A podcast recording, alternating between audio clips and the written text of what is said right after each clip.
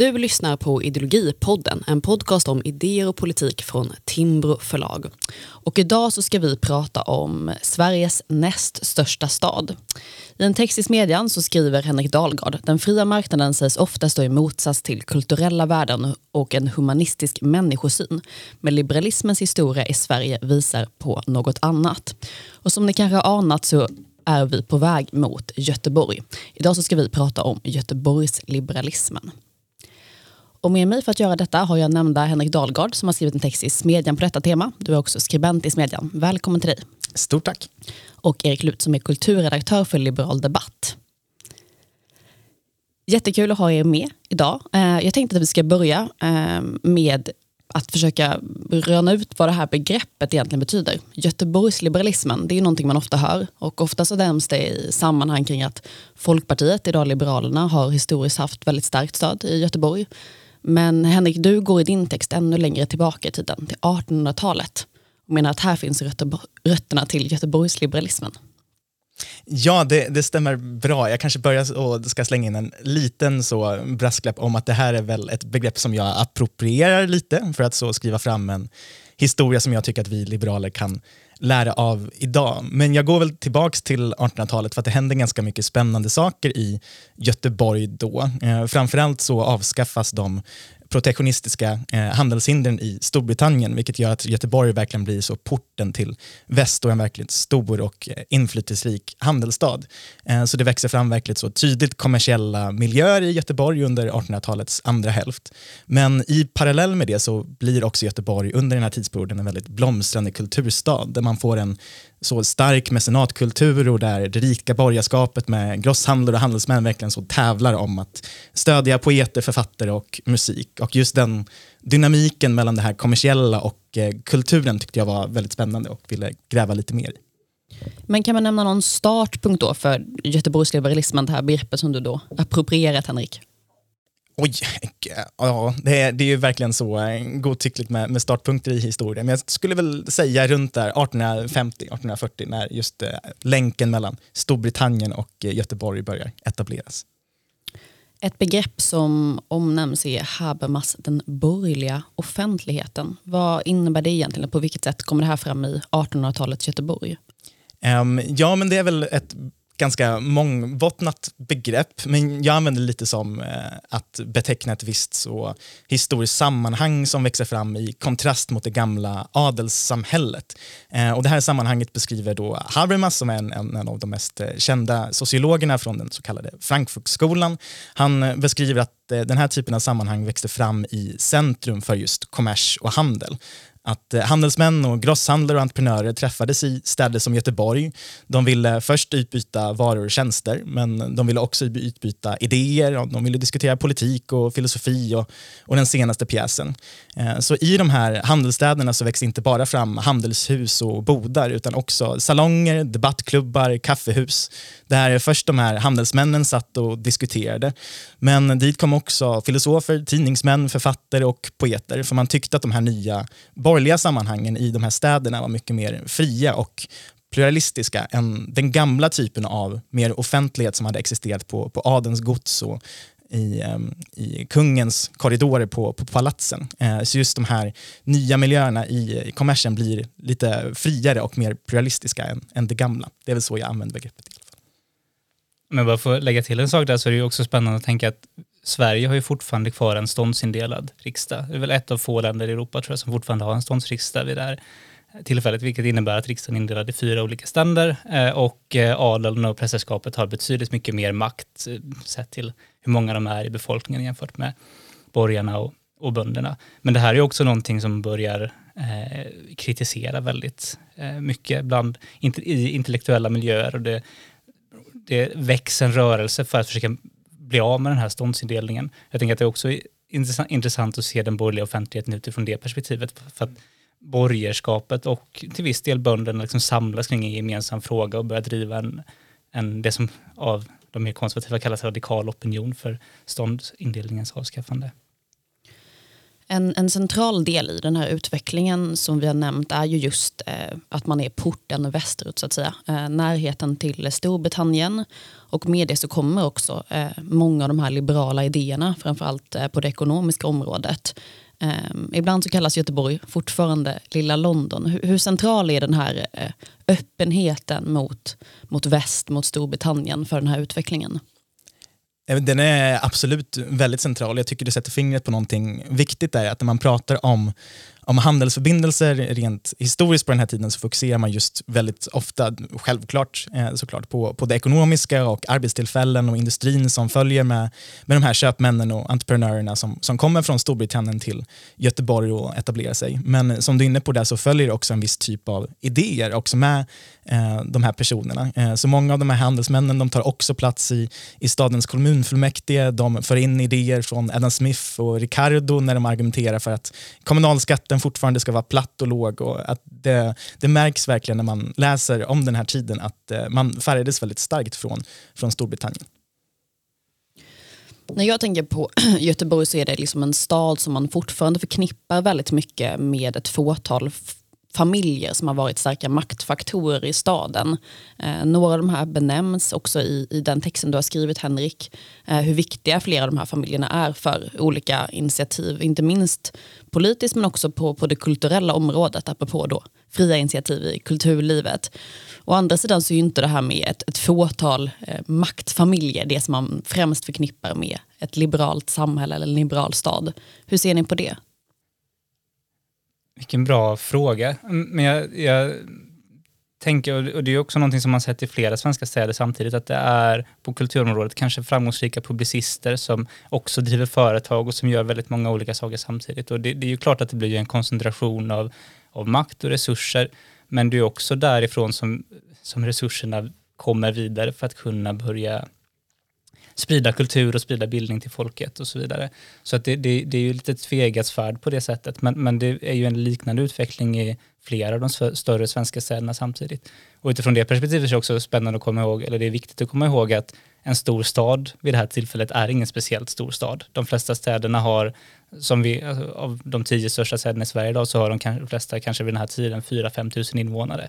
Så det är en väldigt liten borgerlig offentlighet. Eh, och att få tillräckligt med resurser för att kunna ge ut tidningar, eh, eh, skapa teatrar och så vidare. Det kräver ju en ansamling av resurser. Så jag tycker kanske inte att det är så konstigt att det är det vid den här tidpunkten, även om det såklart som, som liberal, som jag var inne på, är lite av ett tveeggat svärd. Mm. Nej, men jag tycker det där är en väldigt bra poäng. Jag håller med om liksom den dubbelheten i, i den här utvecklingen. Eh, om man ändå ska försvara den här tidiga formen av, av borgerlig offentlighet lite så kan man väl säga att det, det kommer väldigt så starka handelsfamiljer, det blir verkligen ett, ett maktcentrum, men miljöerna som bildas runt de här familjerna blir någonting annat än någon slags form av så stark hierarki. Det, man bygger väldigt många så villor eller gods utanför Göteborg dit många av så tidens stora författare kommer. Eh, Viktor Rydberg som vi kommer komma in på senare umgås i de här miljöerna. Henrik Ibsen kommer dit i, eh, lite senare under, eh, under århundradet, Fredrika Bremer. Eh, och de kommer dit för att man upplever att just Göteborg har ett lite friare och mer så radikalt och lite nyrikt eh, kulturliv än huvudstaden. För man ska komma ihåg det, även om det händer väldigt mycket på kulturområdet i, i Stockholm också, framförallt med, med den nya fria pressen och, och utgivning av, av skönlitteratur, så är det ju fortfarande en stad där de stora kulturinstitutionerna verkligen är statliga och kontrolleras av den politiska makten eller eh, kungamakten. Och där finns det ju verkligen en hierarki. Men i Göteborg så var det här lite mer dynamiskt, att som jag var inne på lite tidigare så, så tävlar de här rika personerna med, med varandra i att så ge eh, bidrag och starta upp olika initiativ. Så den, den dynamiken tror jag är viktig att eh, få fram. Man kan ju utifrån det också se det som en, en maktförskjutning från, som jag var inne på, adelskapet och prästeståndet till en större del av befolkningen. För om ganska mycket makt och resurser är koncentrerade kring ett få, litet antal handelsfamiljer så det är ju ändå en, en förändring jämfört med när väldigt mycket makt har varit koncentrerat hos väldigt få mm. inom den svenska adeln och prästeståndet. Så det är också språngbrädan in mot en modernare tid eh, med mycket förändring kring hur ja, arbetares situation och hur, hur det är att leva utanför eh, storstaden och så vidare. Precis, jag tänker att vi ska försöka landa lite i, i den tid som vi pratar om. Vi befinner oss ungefär i mitten av 1800-talet och det är verkligen ett, ett samhälle och en värld kan man säga egentligen i, i omvälvning. Um, röster höjs för arbetarnas villkor, um, fri press, eh, större utgivning av skönlitteratur uh, och då som varit inne på en, en större borgerlig offentlighet där maktförhållanden som har funnits väldigt länge på olika sätt börjar ifrågasättas. Och en central del av detta är ju då den fria pressen. Eh, vi har tidigare gjort ett avsnitt med dig Henrik om Lars-Johan Hierta eh, som var chefredaktör på Aftonbladet. Eh, och han eh, har en lärjunge kanske man kan säga, eh, Sven Adolf Hedlund som blir väldigt, väldigt betydelsefull eh, i den här Göteborgskontexten. Och inte minst då eh, i sin roll som sedermera chefredaktör för Göteborgs handels och sjöfartstidning. Kan vi berätta lite om honom? Eh, det kan vi absolut göra, för jag tycker han är en otroligt så fascinerande karaktär. Han, som du beskriver så kommer han att jobba under Lars-Johan Hierta som är väl den, i alla fall i, efterhand, eh, den så eh, hjälten för den fria pressen har det nästan blivit i, i den svenska historieskrivningen. Så han kommer att eh, lära av honom på, på Aftonbladet. Han blir också kort chefredaktör för Aftonbladet 1851 tror jag, när Lars Hjärta är på, på riksdagsuppdrag. Eh, så han, han skolas i den här eh, Aftonbladsliberalismen som det brukar kallas, när man både tog stig för så, näringsfrihet men också utökad politisk representation. Så det blir så idéer som han verkligen har, har med sig när han kommer till Göteborg och eh, tar över Göteborgs handel och, och sjöfartstidning. Eh, det var också eh, Hjärta som rekommenderade honom till till posten. Eh, men om man ska säga några korta ord om den här tidningen som, eh, som blir väldigt central i Göteborg, som vi varit inne på, så blir just den fria pressen en väldigt viktig institution i den här borgerliga offentligheten. Och det sker väl just också i samband med kommers och marknadsekonomi egentligen, för att pressen kommersialiseras vid den här tidpunkten. Och det görs väl dels för att personer som eh, Hjärt och Hedlund vill tjäna pengar, men det görs också för att man vill bli fri från, fri från den politiska makten, att man inte vill bli beroende av en enskild adels adelsman eller kungen, utan att man vill faktiskt vara beroende av att människor frivilligt väljer att köpa eh, den tidning som man ger ut.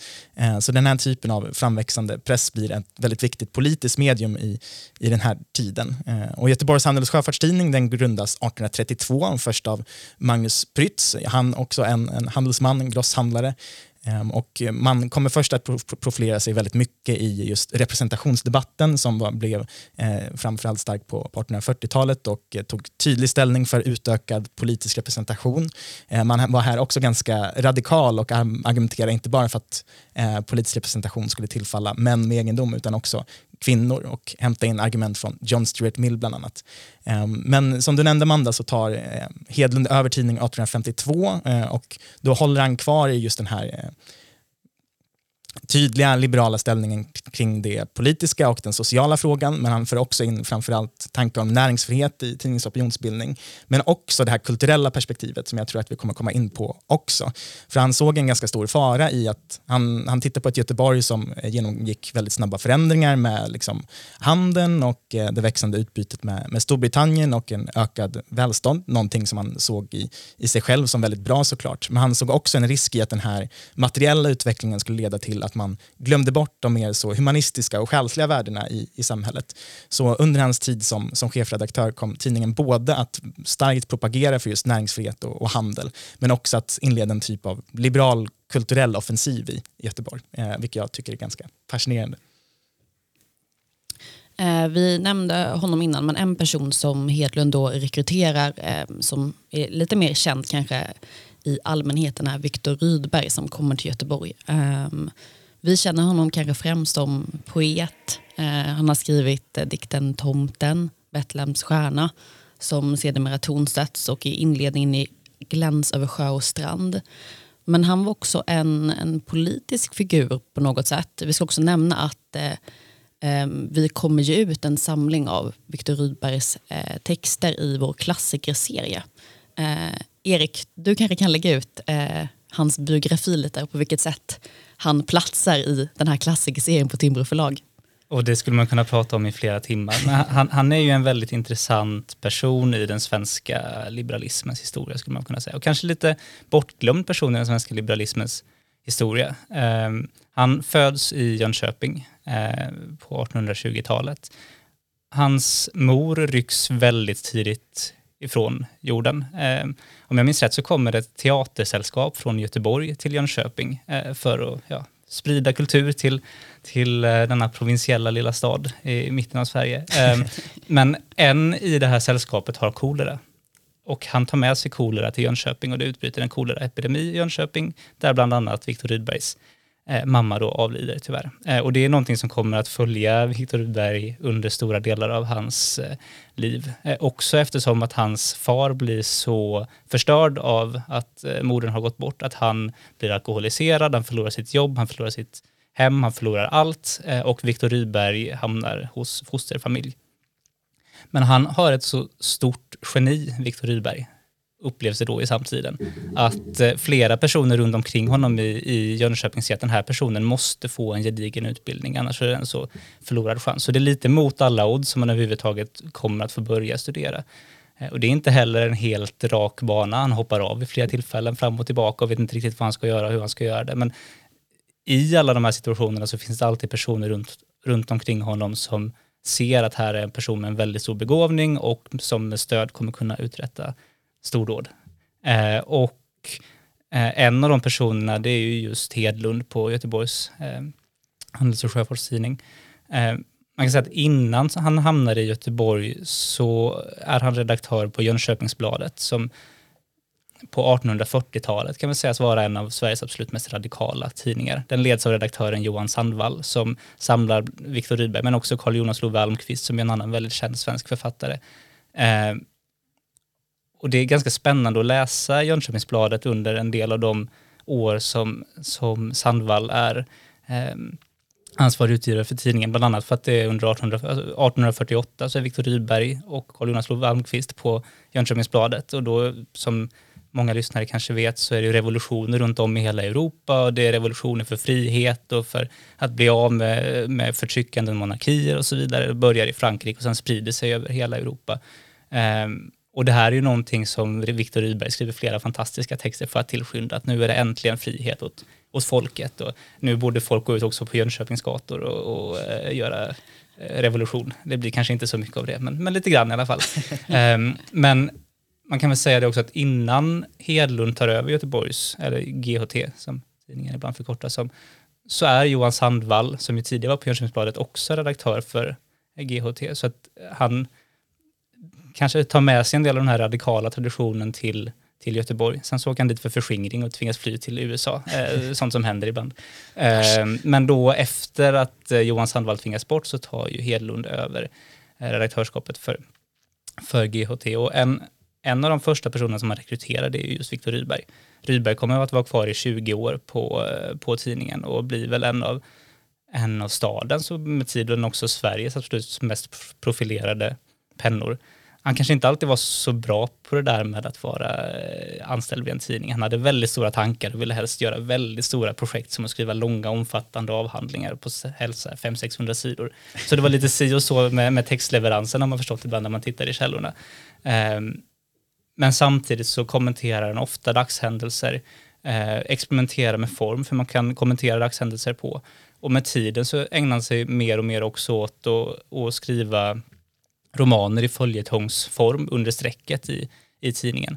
Eh, och det är väl kanske, alltså, på många sätt så är Viktor Rydberg banbrytande i den svenska litteraturen, men, men just här är kanske ett av de ställen som han är mest banbrytande på. Därför att han, alltså tidigare kan man väl säga att följetongen kanske har varit lite av en slasktratt, eller det har liksom varit eh, det som man har för att göra läsarna, läsarna nöjda eller så. Kartonglitteratur. ja, men, men något åt det hållet. Ja. Eh, men Viktor Rydberg höjer kvalitetsnivån flera steg. Några av hans tidigaste är inte så jättebra heller. Men, men, men på 50-talet framförallt så började han experimentera med hur kan man skriva bra, hög, bra högkvalitativa följetongsromaner som bär på ett politiskt radikalt budskap. Eh, och det görs just i GHT och därifrån kommer romanen som Fribrytaren på Östersjön och Den sista atenaren som kanske ingen har läst idag. Men, men, men på den tiden så är det verkligen det är spännande, ganska lättillgängliga romaner men som bär på radikala politiska budskap om eh, religionsfrihet, om, eh, om eh, motverka förtryck mot individen, om, om rörelse och, eh, inom Sverige och utom Sverige och, och bönders och arbetares rättigheter och så vidare. Eh, och mycket av det som Hedlund eh, och Rydberg båda enas kring i form av vilka politiska frågor de driver syns också i, i de här följetongsromanerna. Ehm, så det är väl några ord om, om hur Rydberg hamnade i Göteborg och lite, lite vilka idéer som han tar med sig in i det arbetet och vad han ägnar sig åt. Mm. Jag tycker det är så otroligt intressant just den här kopplingen mellan men, fiktionen och det politiska. För som du är inne på där, så det händer ju precis som den fria pressen för, förändras väldigt mycket vid den här tidpunkten och lite innan så händer det väldigt mycket med romanformatet också. Och det sker just genom det här eh, följetongsformatet. Det är såklart Lars-Johan Hierta eh, som gör allt vid den här tiden som också så här, startar igång det här när han börjar ge ut eh, skönlitteratur i, i form av så häftserier som gick som följetonger som man kunde prenumerera på. Och i början, precis som, som ni är inne på här, så blir det ju verkligen en en slasktrakt för så spänningslitteratur från utlandet främst. Men det är också i det här formatet som många av tidens stora författare kommer att debutera men också skriva. Eh, Almqvist skriver i det här formatet, eh, Emily Flyger Carlén kommer att skriva eh, och framförallt Viktor Rydberg. Eh, och just den här Eh, jag tror man ska, man ska inte underskatta den här övergången till det här formatet för dels så kommersialiserar det också utgivningen av romaner. Man sänker kostnaderna väldigt mycket och öppnar upp läsningen, inte bara för, för adeln och, och de rika borgarna utan också för den breda medelklassen och arbetarklassen som börjar växa fram. Eh, men framförallt gör det här också ganska mycket för författarna. Att det växer fram en ny typ av marknadsförfattare som för första gången verkligen så kan livnära sig på att skriva. Um, och just det här, det här, den här typen av infrastruktur tror jag skapar en ganska stor möjlighet för att romanen vid den här tiden kan vara ett ganska slagkraftigt politiskt medium, precis som pressen var. Eh, och som, som du är inne på där, eh, Erik, så blir ju många av de här romanerna som dels Rydberg, men även Bremer och Almqvist och allt, eh, allt vad det är skriver, har ju väldigt så tydliga politiska budskap. Och jag tycker det är ganska intressant att det, jag tror man kan göra mycket mer, framförallt vid den här tiden där eh, samhället inte var så, så fritt att du kan skriva saker i fiktion som du inte kan skriva i lika eh, raka kommunikationstexter i tidningar och, och ledare utan du kan det finns ett helt annat förväntningsrum och förväntningshorisonter som man kan leka med i litteratur där man verkligen kan öppna upp föreställningar om att andra samhällen eller andra typer av levnadssätt kan vara möjliga. Så det formatet tror jag är jätteviktigt om man ska förstå just tiden. Jag tycker det är intressant för att man belyser ju ofta det här arbetarlitteraturen, eh, de självlärda författare som kanske kommer i kontakt med litteraturen mycket på grund av den utvecklingen som du är inne på Henrik. Eh, jag tror det är Moa Martinsson har pratat om hur hon kommer i kontakt med, nu kommer jag säga fel, om det är femöresböcker. Det finns något sånt eh, begrepp och liksom hur, hur den här eh, tillgängliggörandet av då en marknadslitteratur liksom, eh, gör att väldigt många inte bara kan då bli publicerade utan också faktiskt själva läser, inspireras och börjar skriva. Men ändå mindre liksom belyst del av denna utveckling är just de här då mer liberala författarna eller radikala vid den här tidpunkten. Vad tror ni att det beror på? Det är inte så många idag som tänker på Bremer, då, Rydberg men också Almqvist till exempel som eh, liberala eller frihetliga författare. Jag tror att man kanske har lyft upp arbetarlitteratur mycket i Sverige för att det är en ganska unik eh, litterär tradition. Eh, och det, det är, ju, är, ju, därför som Svenska Akademin exempelvis ville ge Nobelpriset till Harry Martinson och Eivind Johnson. Så på det sättet så, så finns det inte riktigt en motsvarande tradition i de flesta andra länder. Och det som vi däremot ser på 1800-talet är ju motsvarande en utveckling som sker i ganska många olika länder. Det sker i Storbritannien och i, sker i Frankrike och så vidare. Jag vet inte om det har att göra med, har att göra med det. Sen så ska man ju också komma ihåg, att jag tycker att det är väldigt fascinerande att läsa flera av de här följetongsromanerna. Jag tycker att Viktor Rydberg förtjänar en, en, eh, en revansch. Eh, Fribrytaren på Östersjön är verkligen ett lästips om någon vill grotta ner sig i en, i en lång text om häxprocesser och, och kamp mot, mot kung och så vidare i, i Stockholm. Eh, men det är ju lite mer ålderdomligt. Det är, eh, modernismen i litteraturen har ännu inte riktigt eh, trätt in. Eh, man märker att det är 1800-tal och inte 1900-tal. Så många av arbetarförfattarna de, de strävade ju också efter att vara lättillgängliga. De ville nå en ny publik, nå eh, en, en arbetarklass i bildning och så vidare. Så att det, det, man ska vara medveten om, jag tycker faktiskt inte att det är svårtillgängligt, men det är svårtillgängligare än mycket av det som sen kommer under 1900-talet. Så jag vet inte om, om det kanske är två aspekter som gör att Mm. vi har varit lite sämre på att ta till oss de här författarna. Nej, men jag, har- jag håller verkligen med om det. Sen en annan sak som vi pratade lite om innan vi, vi kickade igång här är väl att jag tror också handlar väldigt mycket om hur vi liberaler i Sverige har valt att skriva historien om liberalismen i, i landet. För vi tittar ofta ut mot så kontinenten och Europa, framförallt mot Storbritannien. Vi pekar på John Locke och Anna Smith och John Stuart Mill och eh, fokuserar väldigt mycket på dels filosofer men kanske också framförallt på nationalekonomer som har fått en väldigt så stor huvudroll i skrivningen av liberalismens historia. Och när man så förhåller sig på det sättet till vad liberalism är och vad, vad ideologi är, hur man ska närma sig liksom det här tankekomplexet kan det nog lätt bli så tror jag att man glömmer bort just de här författarna och eh, liksom fiktionen generellt som ett typ av politiskt medium. Eh, jag upptäckte liksom de här personerna för drygt eh, två, tre år sedan man börja sätta sig in i, i svenska liberalismens historia. Och så. så jag tror det handlar väldigt mycket om historieskrivningen också. Eh, och Det tycker jag vi kan se lite som ett misslyckande fram till nu, att inte vi har lyft fram de här personerna. För det finns väldigt mycket som ehm, i de här böckerna och i det här sättet att, att skriva om liberalism som jag tycker har gått förlorat lite idag. Där vi kanske har fastnat lite i en mer så stelbent ekonomisk diskussion och glömmer bort liksom det här eh, humanistiska och mänskliga som trädde fram i de här romanerna. det är ju lite märkligt med just Viktor Rydberg till exempel för att det mesta av det han har skrivit har en ganska kraftig politisk udd. Men det som är ihågkommet idag, det är ju det som om möjligt har absolut minst politisk. Tomten. Ja. Tomten eller Gläns över sjö och strand och så vidare.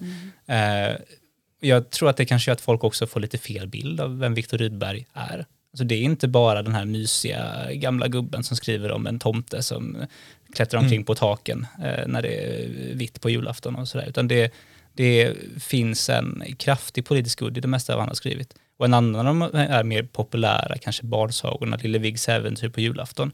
Så man läser den noggrannare så är det ju djup politisk satir också. Omvandlat till, en, till en saga för att läsa för barn på julafton.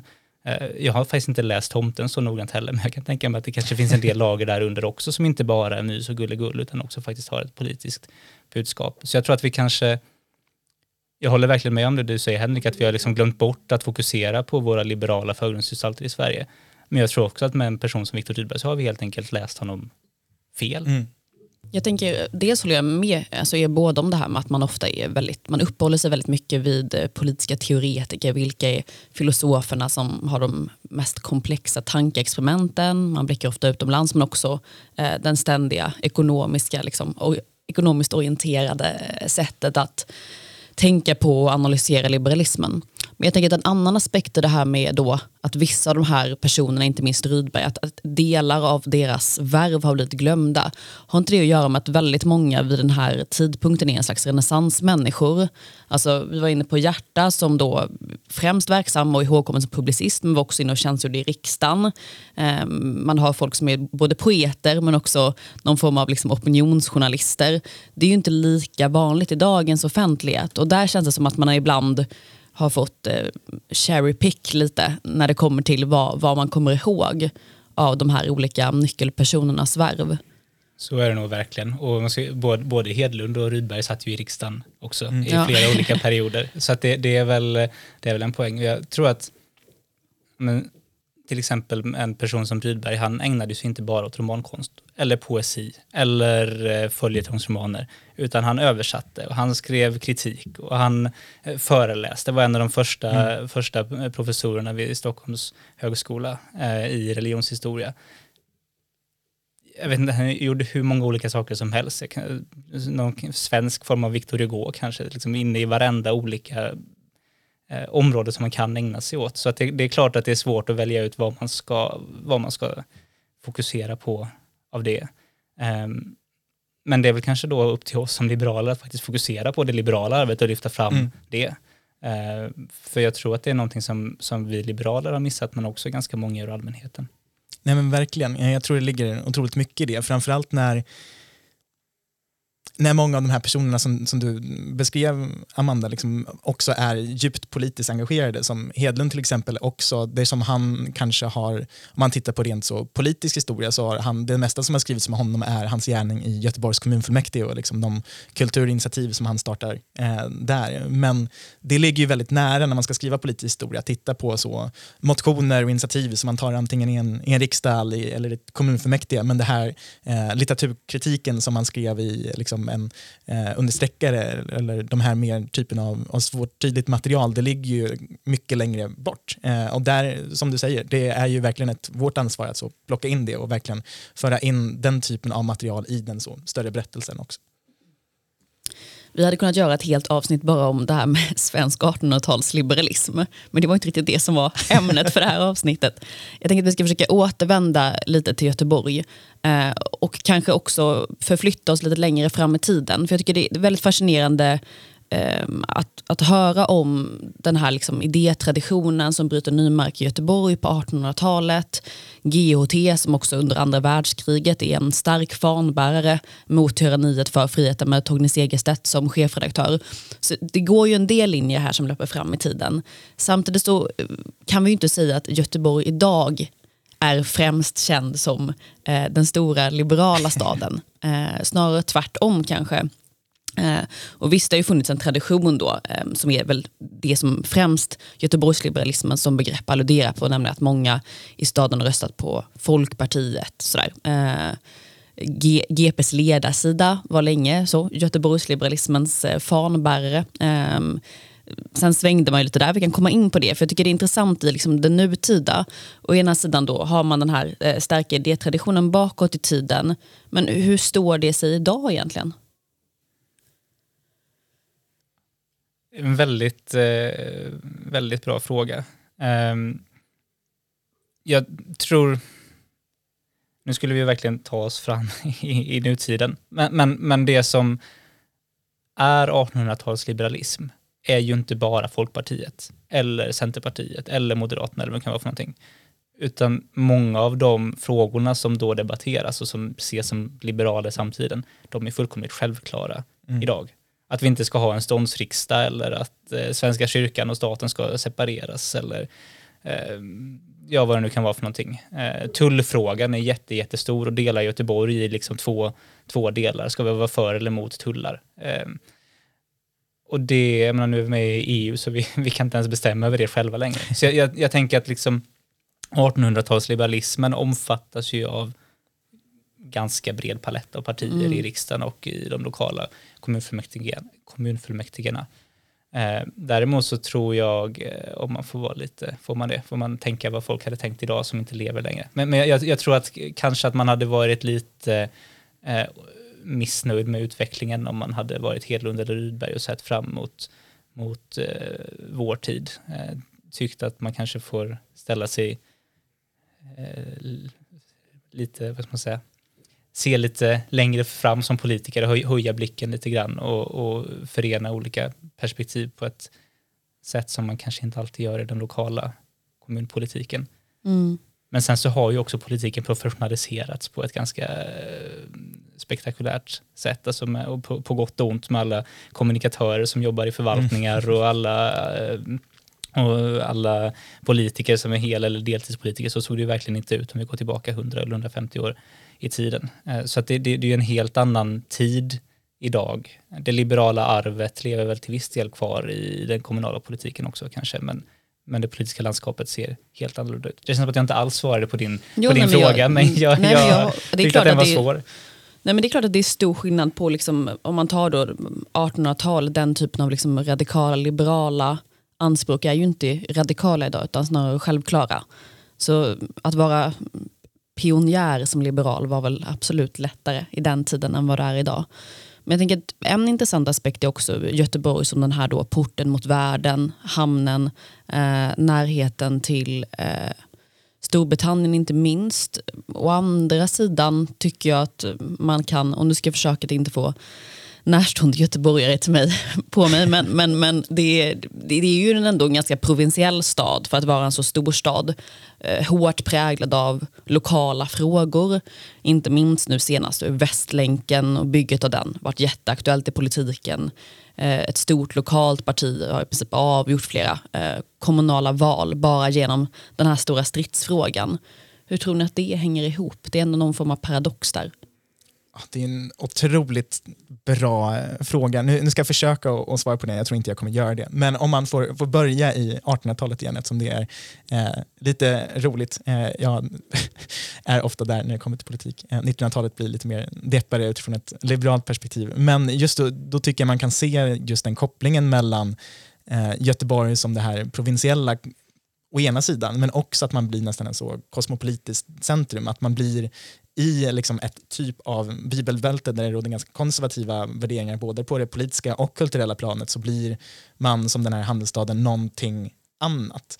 Och jag tror att det finns en viss typ av arv där som fortfarande lever kvar på något sätt, även om inte jag hänger jättemycket i Göteborg idag. Men jag tror mycket förändras också i och med industrialiseringen och den roll som arbetarfrågan kommer att få i, i staden där de där det aktualiserar helt andra typer av problem. Eh, då var det inte längre att man skulle strida för närings och handelsfrihet utan då handlar arbetarfrågan mer om om vad politiken kunde göra och vad politiken kunde garantera. Och det blir ju ett helt annat idékomplex som växer fram då i den politiska diskussionen och just den så tidigt 1900-tals politiska debatten, där kläms ju de här mer klassiskt liberala personerna som vi skulle benämna dem idag. Eh, de försvinner lite mellan en, en konservativ eh, falang som verkligen bara vill ha, ha det som en, det en gång var och steter emot och en väldigt radikal socialistisk falang. Man, man hittar verkligen inte rätt i det politiska sammanhanget på, på något sätt. Eh, sen idag så har jag faktiskt ingen aning. Eh, de enda gångerna jag har varit i Göteborg på senare tid är så Liseberg och Bokmässan så jag kan inte oh, Gud, Jag kan, inte, jag kan inte förstå att du precis sa så Henrik medan vi spelar in. Det är, det är faktiskt illa på Bokmässan också. En viktig följd av industrialiseringen som du är inne på Henrik, det är också urbaniseringen. Eh, jag, går vi tillbaka till 1800-talet så är ju många av städerna framförallt platser där marknader hålls. Alltså de, de, en, en, stad får stadsprivilegier i svensk historia för att de har en marknad där folk får samlas för att utbyta varor.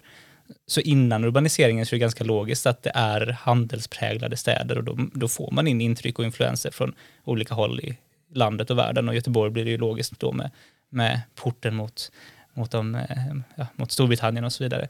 Eh, men med, urbaniseringen och industrialiseringen så flyttar ju lantbrukare i högst grad in till storstäderna. Så det förändrar ju helt och hållet stadens dynamik också. Idag så mm. kanske vi mer skulle känneteckna Göteborg som en arbetarstad än en handelsstad. Eh, och det hade kanske inte Viktor Rydberg och Hedlund förstått alls att det kunde bli så.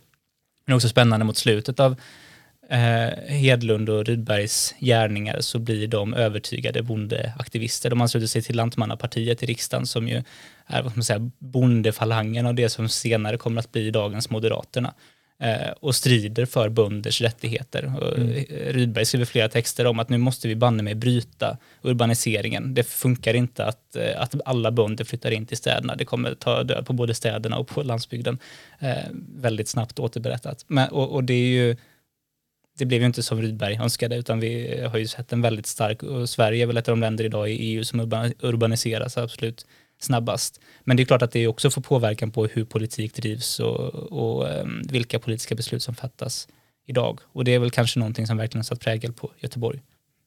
Ja precis, för jag tänker att en, en mer eh, känd förståelse av Göteborg är just att det är en arbetarstad. Mm. Men ni tror då att det, är, det här är liksom någonting som kommer lite senare då som ett resultat av en större utveckling med urbanisering? Det sker väl, det sker väl just då när de är verksamma och de ser ju det båda två och tycker att det är förskräckligt. Så de stod ju inte på urbaniseringens sida och sen så mm. kommer ju kanske Socialdemokraterna ett par årtionden senare vända på det helt och hållet och se det som porten in till framtiden och moderniseringen och alla kan ha toalett och rinnande vatten och eh, elektricitet och vad det nu kan vara för någonting. Så att det är ju, det är ju um, på gott och ont eh, som det mesta är. Men, eh, men Socialdemokraterna i Göteborg tyckte nog att det var en väldigt positiv utveckling. Rydberg och Hedlund tyckte absolut inte att det var en positiv utveckling. Mm. Så, så där är de lite bakåtsträvare ändå, om man får säga så. Man behöver inte alltid gilla framsteg för framstegets skull kanske. jag skulle nog säga, alltså Rydberg var ju en verklig framstegsoptimist. Alltså han brann för utveckling och framtidstro.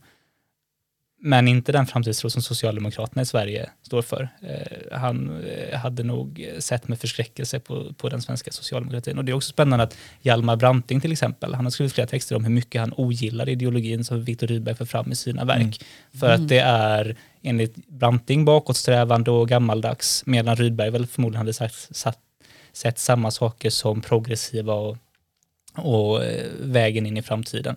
Så det är såklart att det, det, det återigen, det återknyter väl till, till ideologin. Men, men jag tror att, och det tycker jag är lustigt för att vänstern har ju omhuldat till exempel ett verk som Den nya grottesången som ju är ett, eh, ett verk, en, en lång dikt av Viktor Rydberg om, om eh, hur förskräckligt arbetare har det i, under industrialiseringen. Eh, och flera, bland annat Ernst Wigfors har lyft fram just grottesången som en av hans viktigaste ideologiska vägvisare i livet. Men Hjalmar Branting såg med förskräckelse på den nya grottesången och sa att här vänder sig Viktor Rydberg mot allting som jag ser som positivt. Industrialisering, urbanisering, eh, ett eh, industriellt samhälle där människor kan arbeta i fabriker. Eh, så att det är ju ehm, verkligen inte, ehm, som man säga, det, det, finns många olika bilder av hur man ska se på, på Viktor Rydberg en del har ju kallat honom för moderniseringskritiker eller mm. reaktionär mm. till och med. Men, men jag tycker att det är märkligt. Då läser, det, det är lite heter det körsbärsplockning på, på svenska? um, om man läser hans verk i sin helhet så blir det väldigt tydligt att han är väldigt eh, frams, alltså, progressiv och ser med tillförsikt på framtiden. Men inte just en framtid med urbanisering och industrialisering. Nej, Nej men jag, jag håller med om det. Sen om man ska återvända till just det här med, med Socialdemokraterna så tycker jag ändå det är intressant att se att innan Socialdemokraterna och eh, Arbetarpartiet kopplade ett så starkt liksom, grepp om arbetarfrågan som man benämnde det på den tiden så fanns det liksom tydliga ideologiska och politiska alternativ inom vad det vi har pratat om som Göteborgs liberalismen idag. Eh, så några av de första gångerna begreppet folkhem används så är det inte eh, Kjellén och alla den konservativa falangen eller så, socialdemokratin som använder begreppet utan det är som enskilda initiativ för att dels ge arbetarna och bönderna som kommer in till städerna eh, liksom materiella eh, alternativ till, till fattigdom men också för bildning. Att det växer fram som små enskilda initiativ i civilsamhället eh, just kring den här mecenat och kulturen eh, som finns i Göteborg. Att eh, det ska vara någonting som eh, hjälper arbeten att lyfta sig uppåt och liksom samtidigt skapa sig en materiell standard men också liksom en, en kulturell bildning. Eh, så där fanns det så politiska alternativ i det här sammanhanget men de eh, förlorade helt enkelt. Eh, vi ska snart börja avrunda men jag ska nämna att eh, i väntan på att få läsa mer om Rydberg så har vi faktiskt gett ut en bok om Göteborg på Timbro förlag som heter Fyndigt nog, är det någon vits med Göteborg? men istället för att ställa den frågan till er tänkte jag eh, avsluta med att fråga vad, om vi då kan utröna någonting av detta. Vad kan dagens liberaler lära av den här traditionen av det vi kallar då Göteborgsliberalism i det här avsnittet? Det är väl från, från, min, eh, från mitt håll skulle jag säga att just den här kopplingen mellan eh, kommers och ekonomisk frihet och Eh, det kulturella och det humanistiska, att de här sakerna inte behöver vara motsatser. Eh, utan att så, fria ekonomier handlar inte enbart om att vi ska få bättre materiellt välstånd och få fler prylar i, eh, i våra hem, utan det handlar också om den pluralism och den dynamik som de sammanhangen verkligen öppnar upp. Och att just fria människor kan utbyta idéer som växer fram i den typen av miljöer. Så just den dynamiken mellan det humanistiska och det ekonomiska skulle jag säga.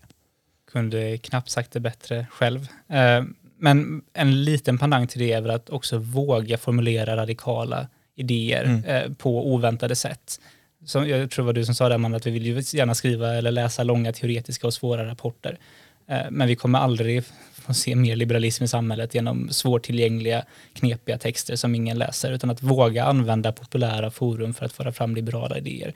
Och det var väl Hedlund och Rydbergs kanske genidrag att de lyckades Verkligen. så väl med det. Eh, jag ser kanske inte jättetydliga uppenbara efterträdare till det idag. Så det är väl en uppmaning till alla liberaler kanske, våga vara populära radikala idébärare. Börja skriva lite radikala liberala noveller kanske. Jag vet inte. Precis. Det låter som ett bra råd på vägen så här, avslutningsvis. Eh, Henrik och Erik, stort tack för att ni var med idag. Stort tack. tack. Och tack till alla er som har lyssnat.